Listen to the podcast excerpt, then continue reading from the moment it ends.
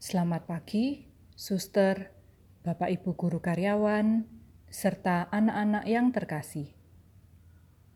Sebelum memulai aktivitas kita pada pagi hari ini, marilah kita mempersiapkan hati kita untuk mendengarkan sabda Tuhan dan berdoa. Dalam nama Bapa dan Putra dan Roh Kudus, amin.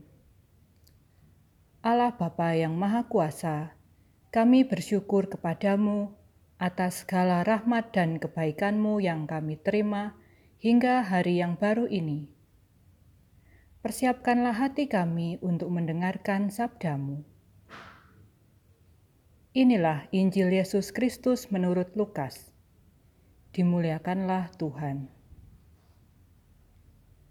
Di bait Allah, tatkala mengangkat buka, Yesus melihat orang-orang kaya memasukkan persembahan mereka ke dalam peti persembahan. Ia melihat juga seorang janda miskin memasukkan dua peser ke dalam peti itu. Maka Yesus berkata, "Aku berkata kepadamu, sesungguhnya janda miskin ini memberi lebih banyak daripada semua orang itu."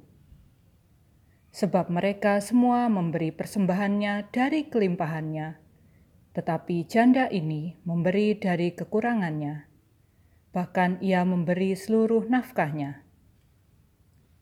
Demikianlah Injil Tuhan. Terpujilah Kristus.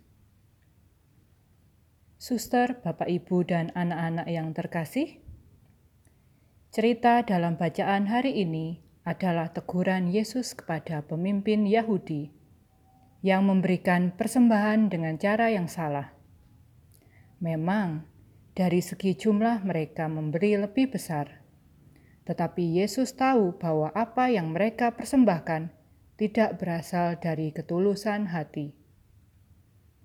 Mereka memberi bukan karena rasa syukur, tetapi karena ingin dilihat orang atau untuk memperoleh pujian. Sedangkan seorang janda dalam bacaan tadi memberikan persembahannya dalam jumlah yang sangat kecil, bahkan dari kekurangannya. Namun karena berasal dari hatinya yang tulus, persembahannya menjadi berkenan kepada Allah. Terkadang juga orang berbagi hanya menyisihkan sebagian kecil dari hartanya, atau bahkan hanya berbagi saat sudah merasa berkecukupan. Tetapi di sini sikap janda miskin itu menjadi contoh bagaimana ia tidak mementingkan dirinya sendiri, meski hidupnya berkekurangan. Hal itu tidak menghalanginya untuk berbagi dengan sesamanya melalui peti persembahan. Ia dengan kerelaan hatinya mempersembahkan seluruh hidupnya hanya untuk Tuhan.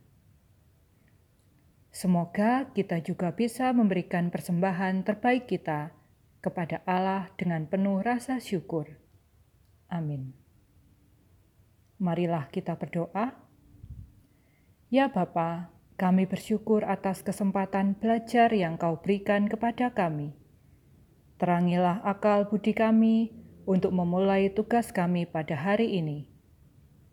Berikanlah kami semangat belajar yang tinggi, supaya kami dapat belajar dengan rajin dan tekun. Bantulah kami agar kami dapat memusatkan perhatian kami hanya pada pelajaran, sehingga tidak mudah terpengaruh oleh godaan-godaan yang dapat melemahkan semangat belajar kami. Semua ini kami serahkan kepadamu dengan perantaraan Yesus Kristus, Tuhan kami. Amin. Dalam nama Bapa dan Putra dan Roh Kudus. Amin.